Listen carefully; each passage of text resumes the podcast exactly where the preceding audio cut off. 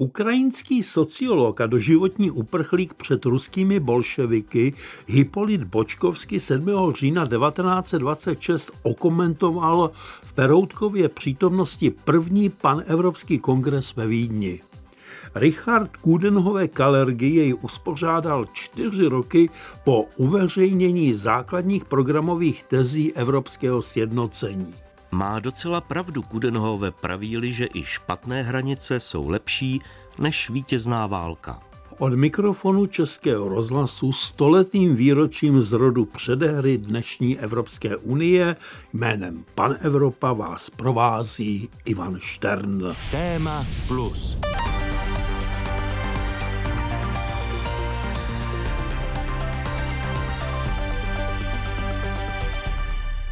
Bočkovský připomněl čtyři roky starou myšlenku Kalergyho.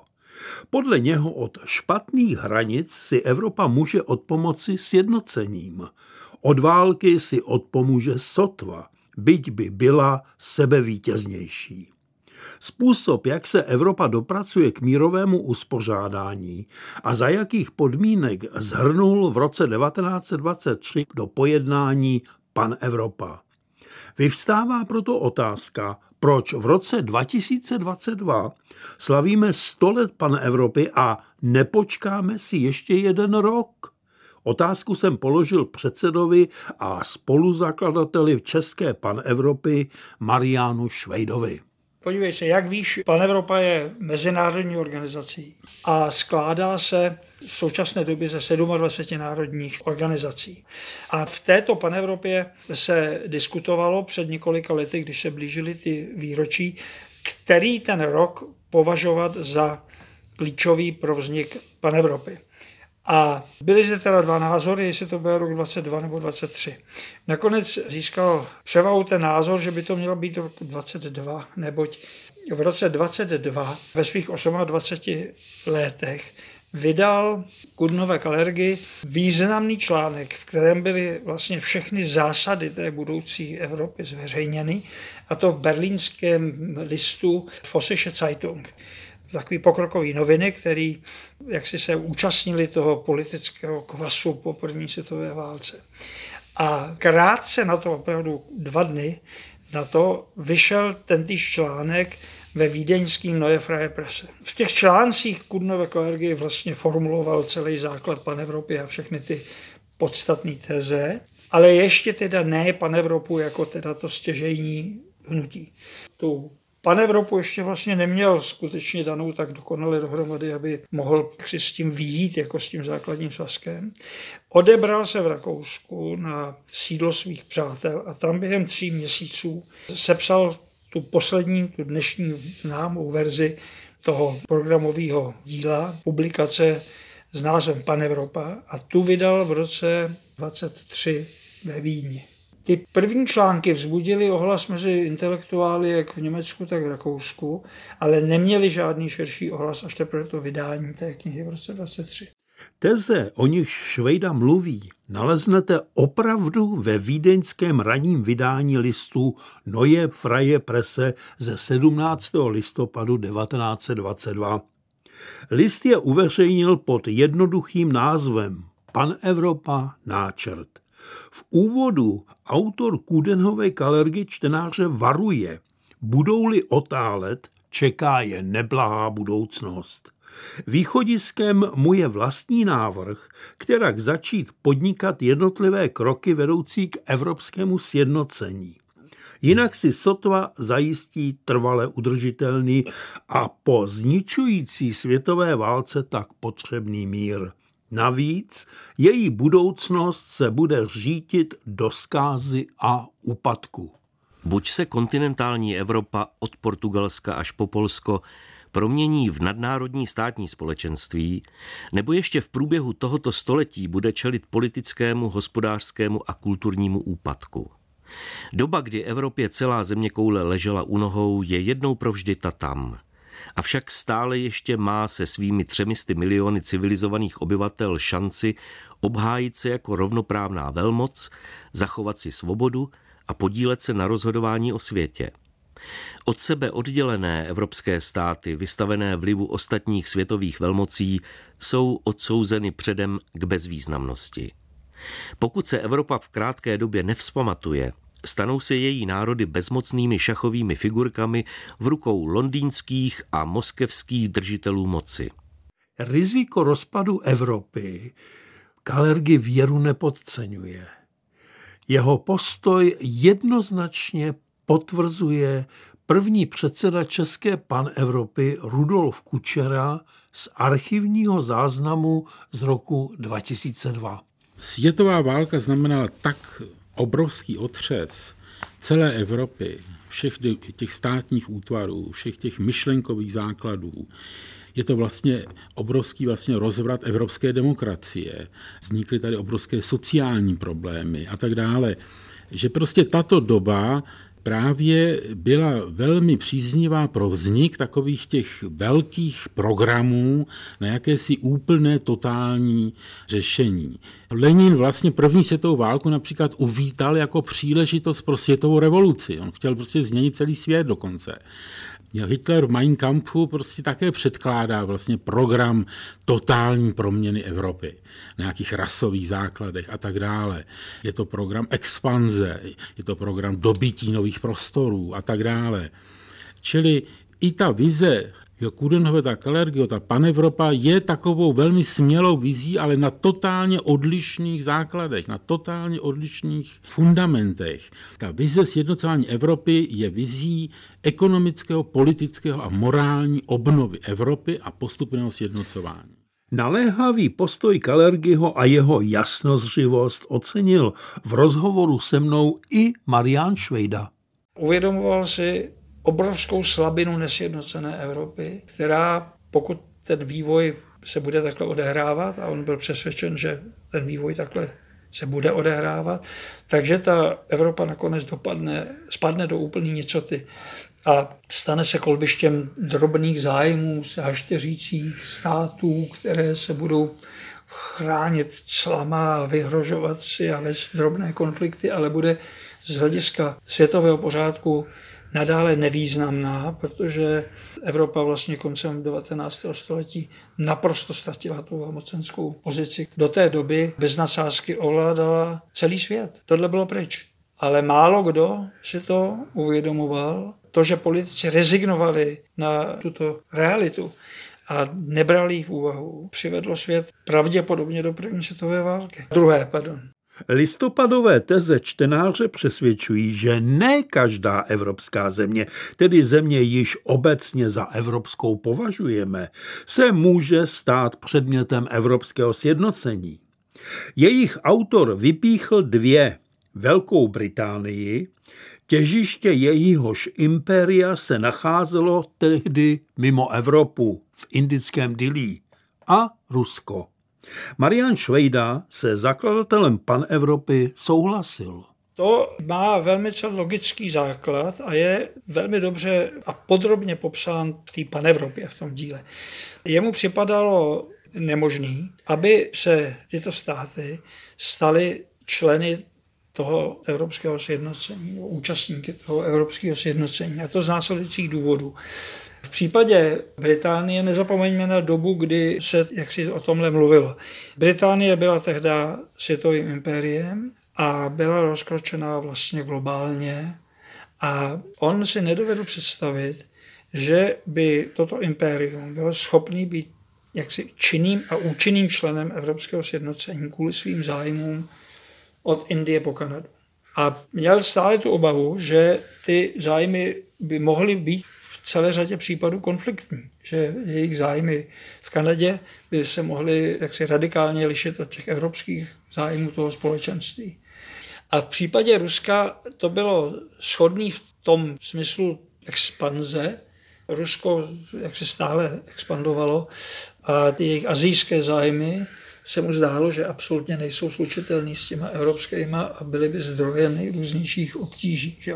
Konflikt Ruska s Japonskem Tvrdoklát neměla nejmenší zájem se dostat do konfliktu s Japonskem a podobným situacím by jak si to členství té Evropě mohlo vést. Ale nebylo to jenom toto. Jeho námitka byla, že Rusko opravdu chce pohltit západní Evropu. Přičemž východní hranice Evropy, tedy ta s Ruskem, byla vždycky velice nejasná. Tohle vedlo k Kudnové Kalergio k té třetí námitce, že s touto velmocí je velice těžko počítat v nějakých stabilních stazích, ale považoval za nutné, pokud by to sjednocení nastalo, aby s tím Ruskem byly, podobně jako se Spojenými státy, velice pevné mezinárodní smlouvy, které by v případě teda Ruska tu hranici východní zajistily, aby tedy to ruské pokušení bylo minimalizované. A pak tady byl ještě v jeho době velice aktuální argument. On říkal, že Rusko se tou revolucí sociální vyřadilo z možnosti účastnit se jakéhokoliv společenství demokratických států.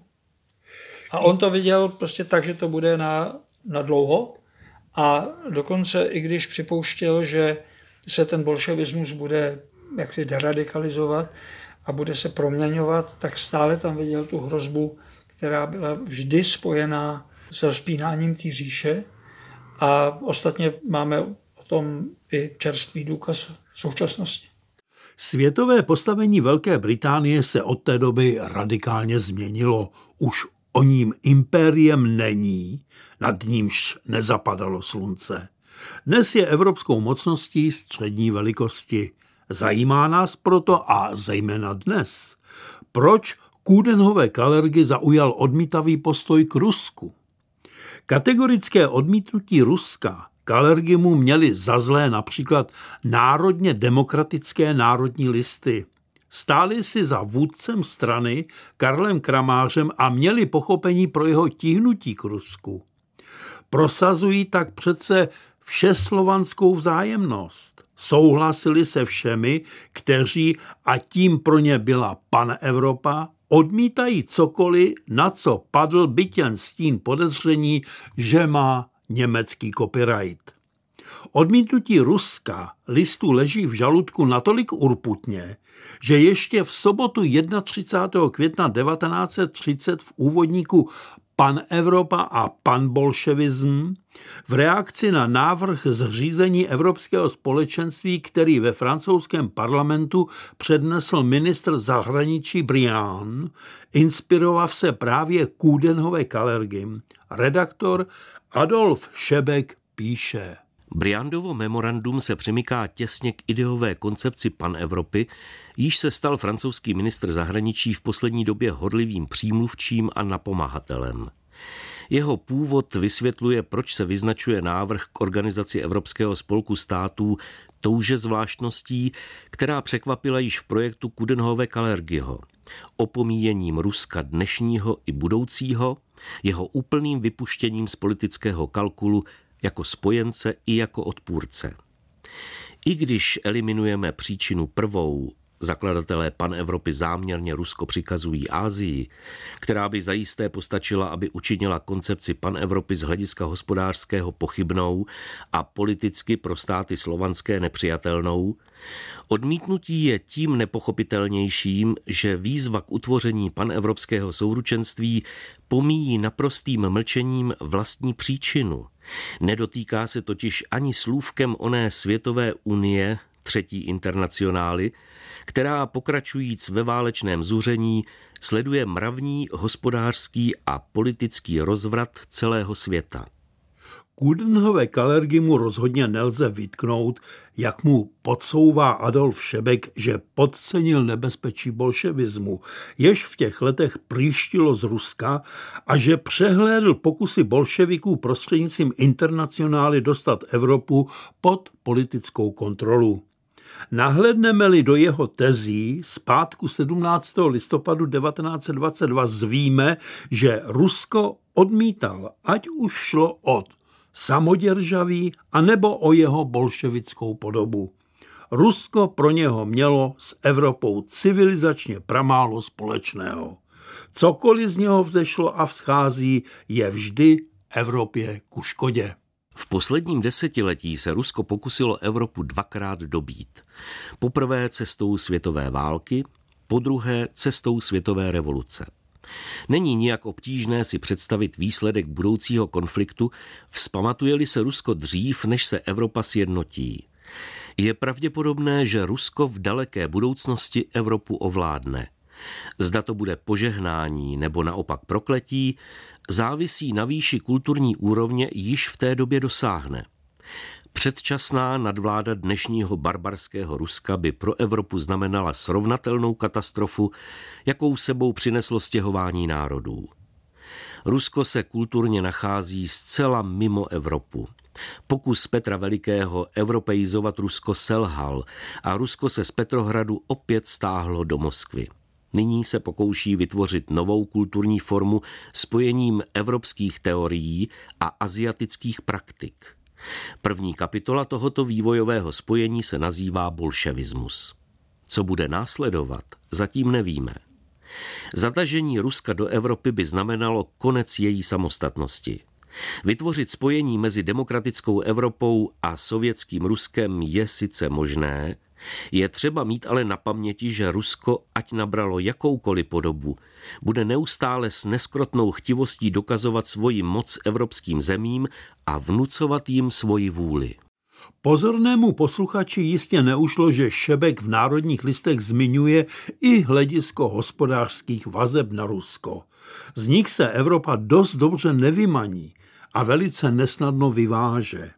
Náhled Kalergiho na Rusko nesený výlučně politicky a ne ekonomicky považoval za zavádějící například tajemník Pražské obchodní a živnostenské komory Rudolf Hotovec. V článku Pan Evropa a Rusko, uveřejněném 20. března 1924 v listu Prager Tagblatt, vypočítává co všechno Evropa z Ruska dováží a v čem všem je na něm ekonomicky závislá. O deset dnů později se v témže listu k Hotovecovi přidává redaktor Francis German. Varuje Evropany, aby nepodceňovali mnohá osudová rizika, která přivedou k životu, pokud by se Evropa měla od Ruska hospodářsky oddělit. I nadále bude pan Evropa závislá na dodávkách ruských surovin. Rusko, bohaté na suroviny, si tak i nad sjednocenou západní Evropou podrží určitou hospodářskou nadvládu.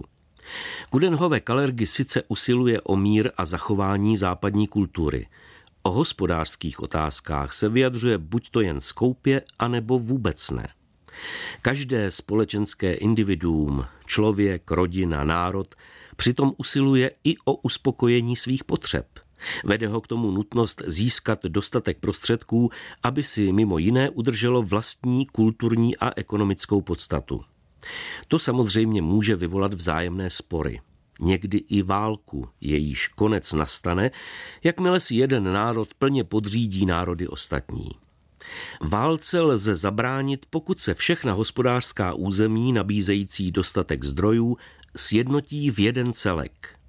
Vždy je tu volba mezi válkou s cílem jednostranně dosáhnout nasycení a rozumnou myšlenkou uzavřít udržitelný mír tak, aby se dostalo na všechny. Varovný signál, který vydává Kudenhove Kalergy, je tu nepřehlédnutelný. Posluchač jistě mezi řádky zaznamenal, že German nepřímo vybízí nabídnout evropské sjednocení i Rusku. Současně si uvědomuje, že tak vytváří situaci, již obecně pojmenováváme kvadraturou kruhu, situaci, která nemá řešení. Ani Hotovec, ani German totiž obratem ruky nepopírají, že se Evropa před Ruskem musí mít na pozoru lhostejno, jaký režim v zemi vládne. Souhlasí s názorem Kudenhove Kalergyho, že stávající bolševická vláda je jen první kapitolou vývoje v Rusku pro Evropu vývoje povídce neblahého a že jedinou účinnou obranou proti ruským snahám Evropu ovládnout je dosáhnout jejího sjednocení. Bez Ruska, samozřejmě. S určitou jistotou se můžeme spolehnout, že Rusko se bude drát na cestu imperialismu, o co roztříštěněji budou působit evropské státy a s o co větším neporozuměním budou k sobě navzájem přistupovat. Držet si Rusko od těla tak nebudeme ani moci, ani smět. Pokud nám ale leží na srdci evropská kultura, kterou netvoří jen technické nebo ekonomické výdobytky, ale především způsob myšlení, který tyto výdobytky umožnil, pak platí, že tato kultura bude mít politicky kryta záda jedině za cenu panevropského sjednocení. Myšlenky, které se v této souvislosti objevovaly před stolety na stránkách liberálních listů, platily nejen v jejich době, překvapivě platí i dnes. Putinovo Rusko a jeho agrese vůči Ukrajině je toho víc než výmluvným dokladem. Posloucháte pořad Téma Plus. Příběhy o tom, jak minulost ovlivňuje současnost. Pořad najdete také na webu plus.rozhlas.cz, v aplikaci Můj rozhlas a v dalších podcastových aplikacích. Jan Herben, dvorní přispěvatel Peroutkovy přítomnosti, přidal ještě jedno hledisko, otázku sociální. V článku Nová Evropa uveřejněném v přítomnosti 21. ledna 1926 zdůrazňuje, že otázku sociální lze plnohodnotně vyřešit evropským sjednocením. Nejspíš tak udeřil kladívkem na hlavičku. I dnes, kdy je nám čím dál zřejmější, že současnou energetickou krizi inflaci a energetickou a potravinovou chudobu mající dopad všude po Evropě, zvládneme jedině, bude-li Evropa postupovat tvořivě a jednotně. Největší překážkou zblížení evropských států k myšlence federace nebo spojených států evropských jsou otázky hospodářské, za nimiž jako temný stín táhne se otázka sociální. Národové necítí se ohroženi myšlenkami, nýbrž hmotou hospodářskou. Federace Evropy a pak Federace lidstva jsou jediným prostředkem, jímž lze rozřešit sociální otázku. Věřím, že ani ústavní vláda, ani všeobecné hlasovací právo, ani osmihodinová pracovní doba a také ne bolševismus nevybaví lidstvo z bídy. Nýbrž nové nauky hospodářské, které by provedly hospodářskou přestavbu. Herben odkazuje se na Masaryka a jeho heslo Ježíš, ne Cezar. Podtrhuje, že demokracii nespochybňuje. Tvrdí pouze, je-li ve hře otázka sociální, sama demokracie ji nevyřeší. Stává se jen vhodným prostředím pro vytvoření nových nauk hospodářských v praxi v zápětí uplatněných. Richard Kudenhove Kalergy sice otázku ekonomickou sa vzděláním humanista poněkud podcenil – Nicméně jeho důraz na co nejrychlejší a nejráznější sjednocení Evropy měl své opodstatnění i v tom, že samotné sjednocování Evropy, pokud probíhá ze zdola, a to byla Kalergyho představa, si současně vynutí demokratizaci Evropy. Bez demokratizace by se sjednocení stalo jalovým. Nebylo by sto zabránit válkám. Jen demokratické národy, které spory řeší dohodou a kompromisem, jsou schopny udržet mír. Nepřímo to naznačuje Marian Švejda, uváděje největší dobová rizika, jak je pocitoval tvůrce panevropské myšlenky. Viděl jak si už předem to nebezpečí, jak v tom bolševismu ruským, tak samozřejmě ve fašismu a ve možných dalších výhoncích považoval to za největší ohrožení té ideje a měl za to, že pokud by došlo včas k sjednocení podle jeho vize, takže se přinejmenším to nebezpečí v Německu eliminuje, že tam nevznikne ta situace, která přivedla k moci Adolfa Hitlera. To viděl naprosto jasně, od toho nechtěl ustoupit a dokonce ho to stálo ve 30. letech ochlazení vztahu jako s většinou předních evropských intelektuálů, kteří byli orientováni levicově a stále v tom Rusku viděli jakousi naději a příslip možného řešení světové situace aby sjednocení Evropy dostalo věrohodné a pevné demokratické podloží a neprobíhalo z vůle sebeosvícenější vrchnosti, ale z vůle evropského lidu, základem jeho organizace měl být celoevropský parlament vzešlý ze všeobecných voleb. Už samotná povaha parlamentu Kalergimu napovídala, že konflikty mezi národy, které sice nezaniknou, bude možné řešit na jeho půdě. Cestou nenásilnou, dohodou a kompromisem. To je velice zajímavé, protože už v 19. století, zejména v poslední třetině, bylo mnoho duchů evropských, dokonce mezi nimi byli i někteří lidé pocházející z Čech, kteří pledovali za sjednocení Evropy. Ty návrhy na ty sjednocovací mechanizmy a tak byly předneseny na různých fórech od Meziparlamentní unie, která už tehdy existovala, zasedala v Bernu, byly to nějaké odborářské organizace a tak dále. To napětí a ten budoucí hrozící konflikt, když se ho nikdo nedokázal představit, jak hrozný nakonec bude, tak už vedl teda mnoho lidí, jednotlivců k úvahám o sjednocené Evropě, ale vždycky to byl jenom takový příspěvek do debaty, který teda ty autoři přednesli a nemělo to žádnou další váhu.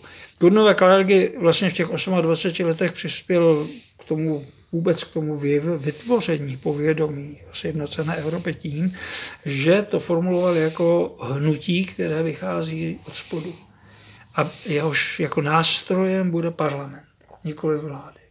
On byl skeptický k tomu, že by evropští politici, kteří jsou samozřejmě závislí na vůli voličů, byli ochotní se zbavit vlastně toho nacionalismu těch 19. století prostě tak snadno. On to formuloval teda jednak jako hnutí ze spoda, si opravdu všeevropské, a hledal způsob, jakým by zakořenilo v těch masách, protože upozorňoval na to, že sjednocení, tak jak to paralelně jiné jiní federalisté zdůrazňovali, že prostě udělají hospodářskou strukturu, která spojí ty, že nestačí že stále budou ty spory, zejména pokud jde o hospodářskou situaci.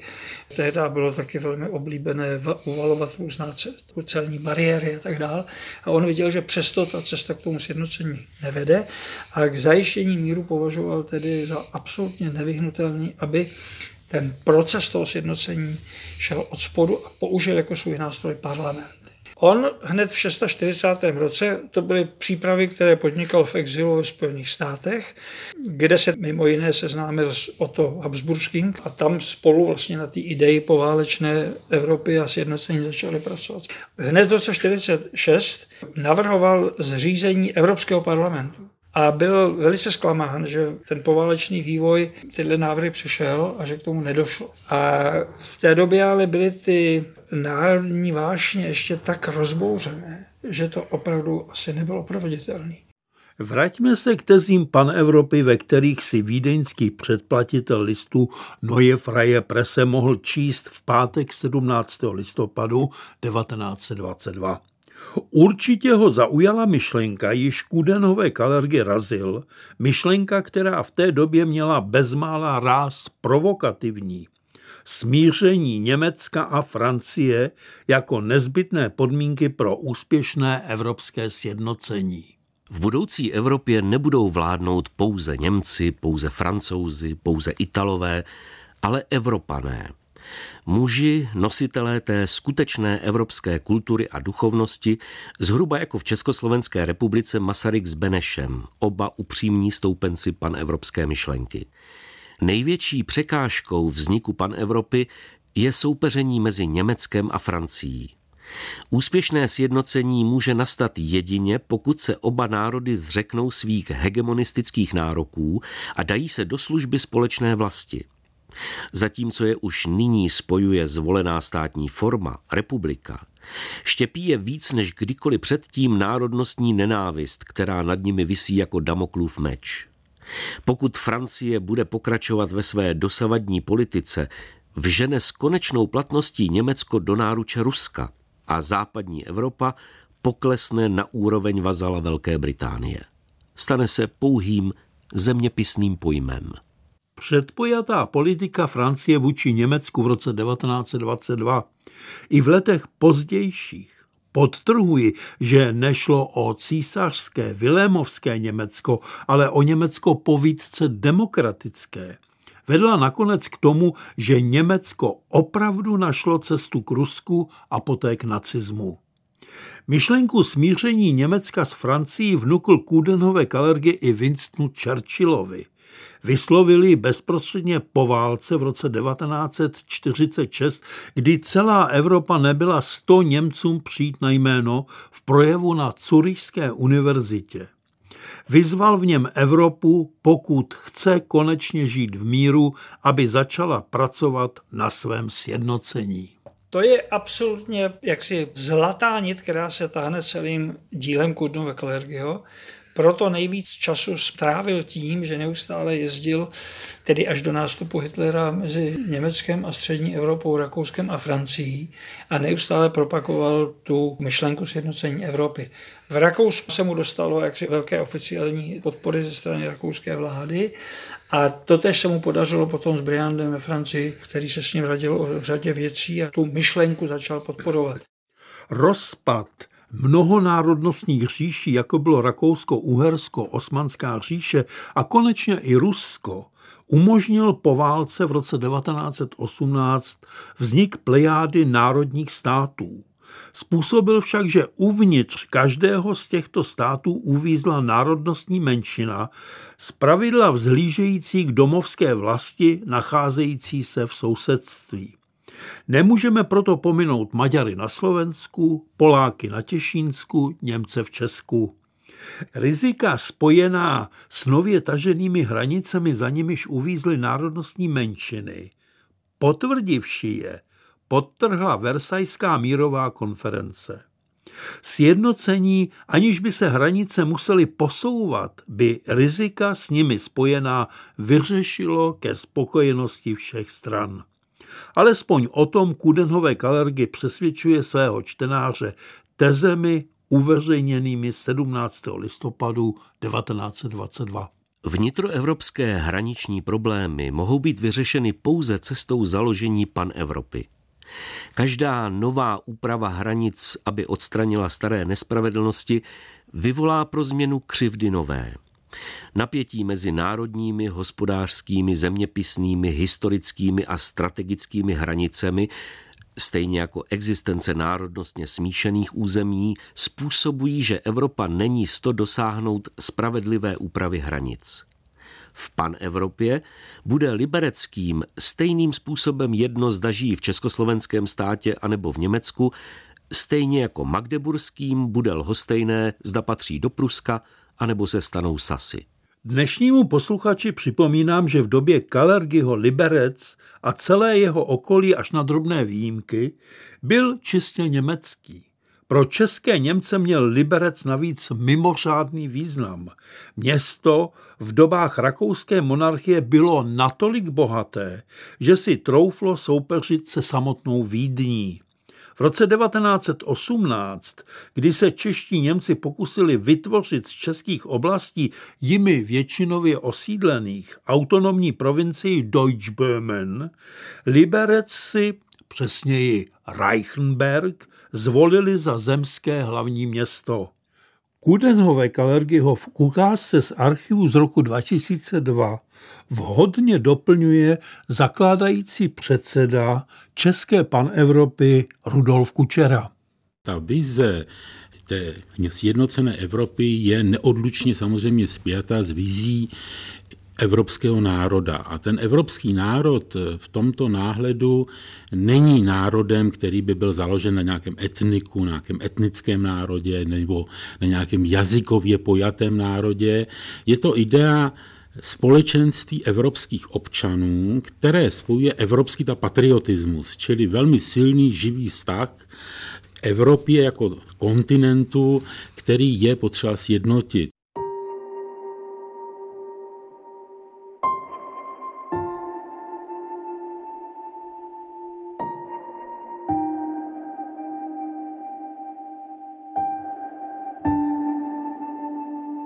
Večerní vydání národních listů ze čtvrtka 22. července 1926 Kalergio postoj k hranicím a k riziku obsažených ve versajských smlouvách v úvodníku nazvaném Pan Evropa překvapivě potvrzuje slovy. Duševním otcem ideí je mladý německý publicista filozof Kudenhove Kalergi, po matce japonského původu.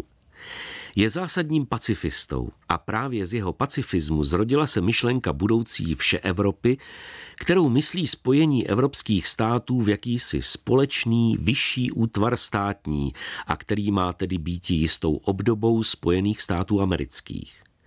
V tomto spojení spatřuje nejlepší zabezpečení trvalého míru. Neboť ve spolku států tvořících vyšší státní jednotu Nezáleželo by příliš na tom, zda ta nebo ona část území, na níž si dnes některý národ činí nárok, je v tom či onom státě. Tak by zárodky příštích konfliktů, utajené v novém uspořádání Evropy versajským mírem, byly zničeny dřív, než by mohly dorůst v hrozivé nebezpečí. Otázkou zůstává, zda svá slova autor úvodníku nemyslel spíš ironicky – Nebylo zvykem na stránkách národoveckých národních listů spochybňovat versajské smlouvy ani připouštět, že by v sobě obsahovaly zárodky budoucích konfliktů. Pokud se jednalo o ironii, za 12 let se ukázalo, že se proměnila v trpkou skutečnost. Spochybňovat versajské smlouvy bylo v té době pochybnou výsadou poražených Němců Rakušanů a Maďarů. Tudíž i obavy Kudenhove Kalergiho, sice rodáka z českých Poběžovic, avšak původu německo-japonského, byly v té době nazírány podobnou optikou. Ano, ty poválečné poměry se vrátily, bohužel, místo, aby se obrátili k budoucnosti, se vrátili do 19. století a jak si semkli se jaksi kolem těch ideí nacionalistických států. To bylo veliký neštěstí, protože se tím jaksi promarnilo spoustu času a pravděpodobně by šlo všechno lépe, do značné míry by se pravděpodobně eliminovalo riziko a vznik druhé světové války. Ty rizika, těch si nebyl vědom jenom on sám, bylo spolu s ním o špatném míru, tedy mluvíme o versajském míru, mluvilo spousta zkušených a prozíravých duchů a čtete-li historii čteli kdokoliv historii versajského míru, tak opravdu je překvapen tím zvraty, které tam nastaly a které zase byly založeny na prosazování nacionalistických cílů. Jenom takovou ještě poznámku k tomu, jak hluboko to sahalo. Ta nenávist a stále ta síla té představy o národním státě. O tom svědčí ilustrativně ta historka, když Schumann vystoupil s tím ve francouzském parlamentu s tím prvním směřovacím slavným projevem, tak ho francouzský parlament vypískal a křičeli na něj zrádče, zrádče. Oni opravdu si nedovedli představit to smíření s Německem ještě ani po druhé světové válce. Dnes jsme samozřejmě o mnoho moudřejší, než byli současníci Kudenhové Kalergyho. Víme naprosto spolehlivě, že versajské smlouvy, i když byly veřejnosti předkládány jako záruka nové budoucnosti, šlo o zvrat do minulosti, se všemi jeho riziky, jež se nakonec staly skutečností. Kdo u nás tuto uhlířskou víru sdílel ještě ve 20. letech minulého století, nepochybně přestal na Versailles věřit nejpozději 31. října 1938, kdy náš nejbližší spojenec a garant versajských smluv Francie nás nechal na holičkách a vydal v plen Hitlerovi. V roce 1922 nebezpečí skrytá ve versajských smlouvách rozpoznávali hlavně Němci, Rakušané a Maďaři. Ku podivu i Poláci díky sporu o Těšínsko. S výjimkou Poláků šlo ale o kritiky povídce nedůvěryhodné. Prohráli přece válku a jednoduše nehodlají zkousnout důsledky této prohry. Nadto kritika versajských smluv a návrhy na sjednocení Evropy způsobu, jak jejich skrytým nebezpečím čelit, protože hojně padaly z německých úst, byly vykládány jako plíživý pokus Němců ovládnout Evropu. Večerník národních listů Národ v pondělí 11. října 1926 se vyjádřil zcela jednoznačně. Je jisto, že by sebevolnější federace států evropských na podkladě hospodářském a sociálně politickém uzdravila mnohé bolesti našeho starého světa. Prozatím Arci jej uzdravuje evangelicky pouhá víra v ní, v pan Evropu. Nevěříme totiž, že by bylo možno utvořit pan Evropu v dohledné době. Analogie se spojenými státy americkými kulhá na obě nohy. V Evropě vytvořil staletý historický vývoj vedle sebe státní a národní celky naprosto odlišné. Přes tyto státoprávní, rasové, národní i náboženské rozdíly nelze tak snadno přejít. Jisté je, že i v panevropě uplatňovaly by se imperialistické tendence a snahy o hegemonii. Tomu pak jenž dovede reálně myslit, je jasno, že za vyloučení Velké Británie a Ruska mohlo by tuto hegemonii strhnout na sebe jediné Německo jako stát největší a nejsilnější. V ideji Němce Kudenhove Kalergiho je, byť neuvědoměle, utajena vlastně myšlenka německého imperialismu a pan Evropa není v podstatě nic jiného, než poněkud dále na západ a na jih rozšířená Mitteleuropa – idea, která nám byla prezentována za války. Ačkoliv Kudenhové Kalergy celkem přesvědčivě zdůvodnil, proč ve sjednocené Evropě nenachází místo ani pro Velkou Británii, tehdy celosvětovou koloniální říši, tak ani pro Rusko, z evropského pohledu beznadějně civilizačně zaostalé, Přesto národní listy, jak se právě dočítáme, to považují za úhybný manévr, jak umožnit Německu snáze ovládnout Evropu, zbavivši se na západě i na východě té nejsilnější konkurence. Muziku o pár let později v úvodníku uveřejněném v Národních listech 27. května 1930 přitvrdil sám šéf-redaktor listů Antonín Pimper. Proč nejsme pro pan Evropu? Protože se bojíme přílišného vlivu falešného internacionalismu a různých podobných hesel, aby nemátli nejširší veřejnost a neukolébali v klamné domněnce, že nacionalismus, jímž po celá staletí národ žil, je něco přežilého a nepotřebného. To by byl konec našeho národa a o něj a o jeho budoucnost se nejvíce strachujeme. Bojujeme proto a budeme dále bojovat za národní a slovanský československý stát a proti všemu, co by u československého lidu směřovalo k otupení vřelého národního citu a národního sebevědomí.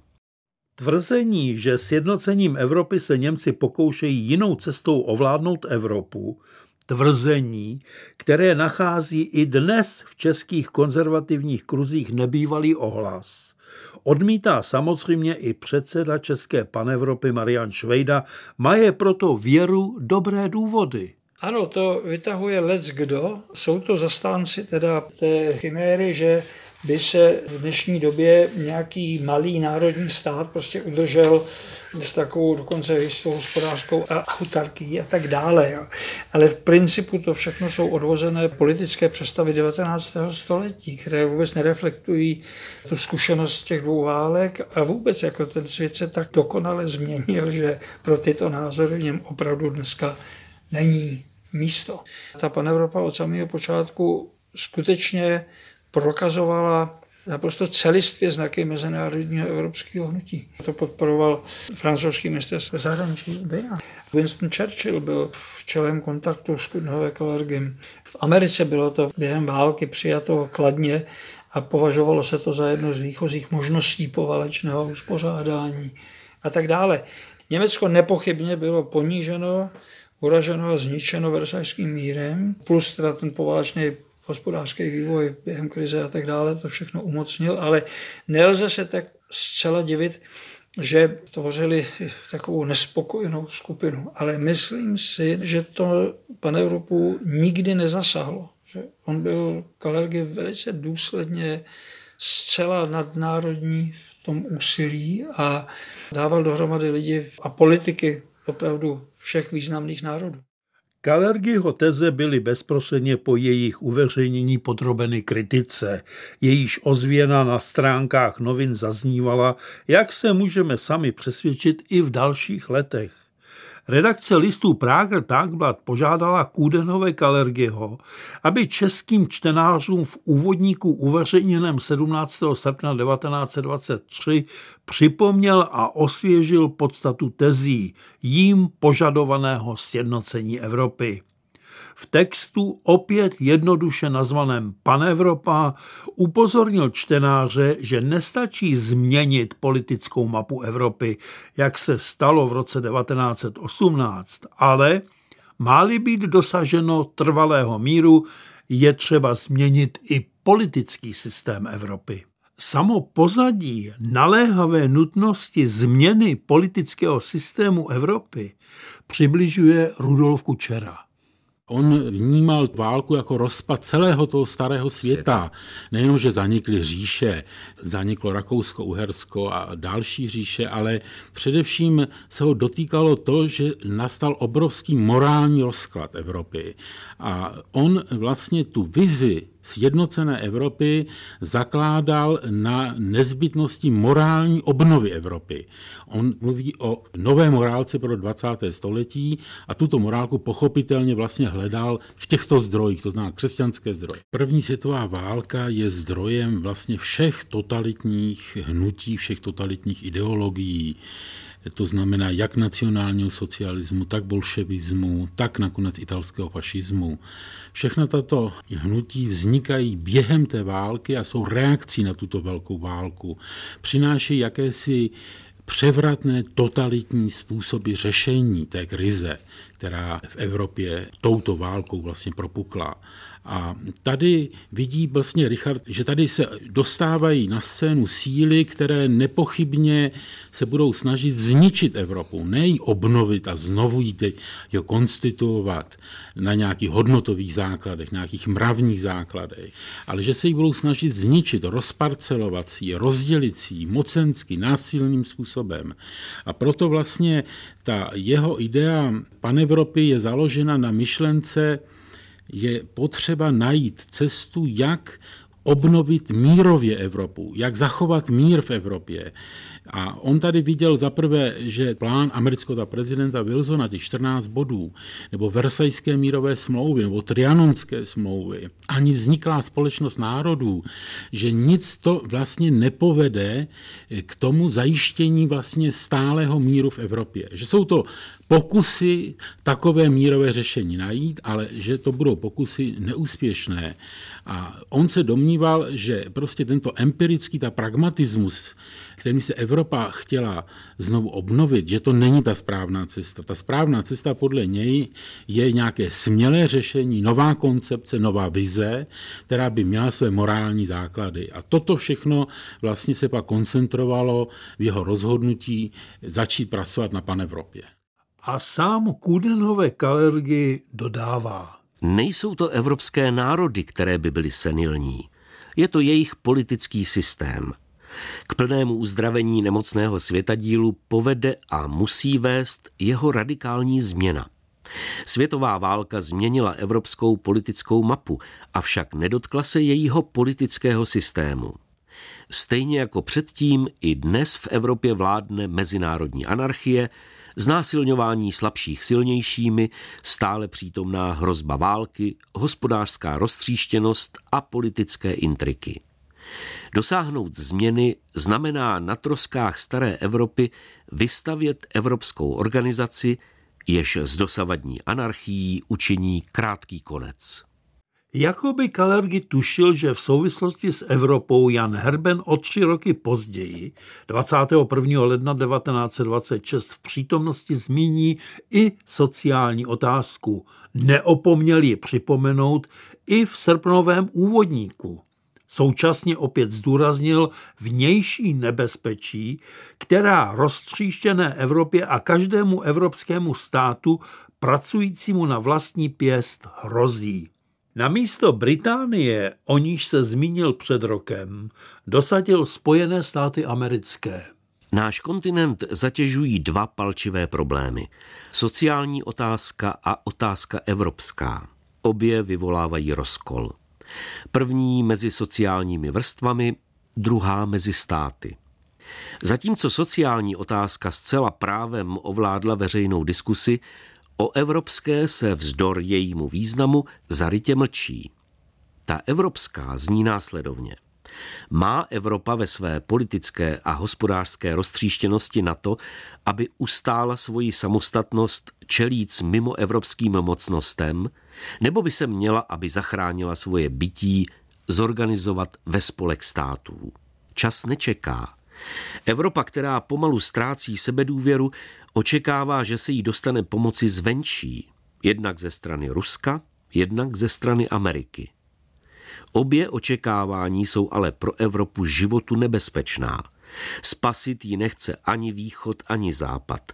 Rusko ji chce dobít, Amerika ekonomicky ovládnout. Mezi skylou ruské vojenské diktatury a charybdou americké diktatury finanční vede jen uzoučká stezička k nějaké lepší budoucnosti. Tato stezička se nazývá Pan Evropa a znamená své pomoc cestou sjednocení Evropy. Když už kritikům myšlenky sjednocení Evropy došly argumenty, případně se Kudenhové Kalergy mu jejich námitky podařilo přesvědčivě vyvrátit, uchýlili se k tvrzení, že celé to je utopie, odkazující se na neoddiskutovatelnou skutečnost, že se Evropa po celá staletí vyvíjela v podobě samostatných státních celků s odlišnými kulturními i politickými pozadími a s odlišnými dějnými zkušenostmi. Tudíž spojit tyto často protichůdnosti je jednoduše nespojitelné a pokoušet se o to je pokoušet se o uskutečnění z povahy věci neuskutečnitelné utopie. I na to v srpnovém úvodníku pro Prager Tagblatt našel odpověď. Někteří myšlenku pan Evropy označují za utopii.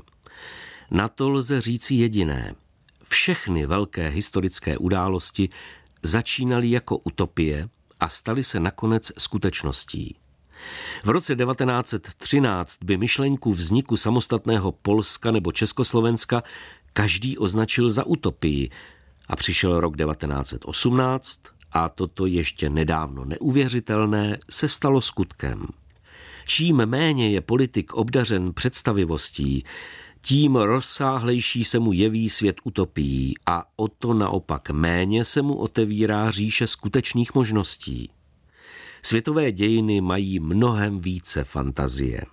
Neustále nás proto zaskakují novými utopiemi, co se staly nakonec skutkem. Určitě je to velmi smělá vize, ale je to vize, která, jak se později ukázalo, samozřejmě ta panevropa se nerealizovala v té době mezi světovými válkami, ale realizovala se až po té druhé světové válce. Je to vize, která obsahuje celou řadu velmi konkrétních návrhů, jak Evropu změnit a obnovit. A celá řada důležitých vlastně myšlenek, které jsou v této vizi obsaženy, byly postupně realizovány v těch integračních tak krocích Evropského společenství po druhé světové válce. Čili byla to vize, která měla velmi reálný podklad. A tak můžeme uzavřít konstatováním, že se naštěstí po válce v Evropě nalezlo dostatek politiků, kteří byli obdařeni představivostí, díky níž nalezli v tvořivém vidění okolního světa dostatek možností, jak uskutečnit panevropskou utopii a neuvěřitelné proměnit ve skutek. Za technickou spolupráci děkuje Marku Stejskalovi a Jiřímu Benákovi, za načtení ukázek Liboru Vackovi, za dramaturgii Davidu Hertlovi a od mikrofonu Českého rozhlasu se loučí Ivan Štern.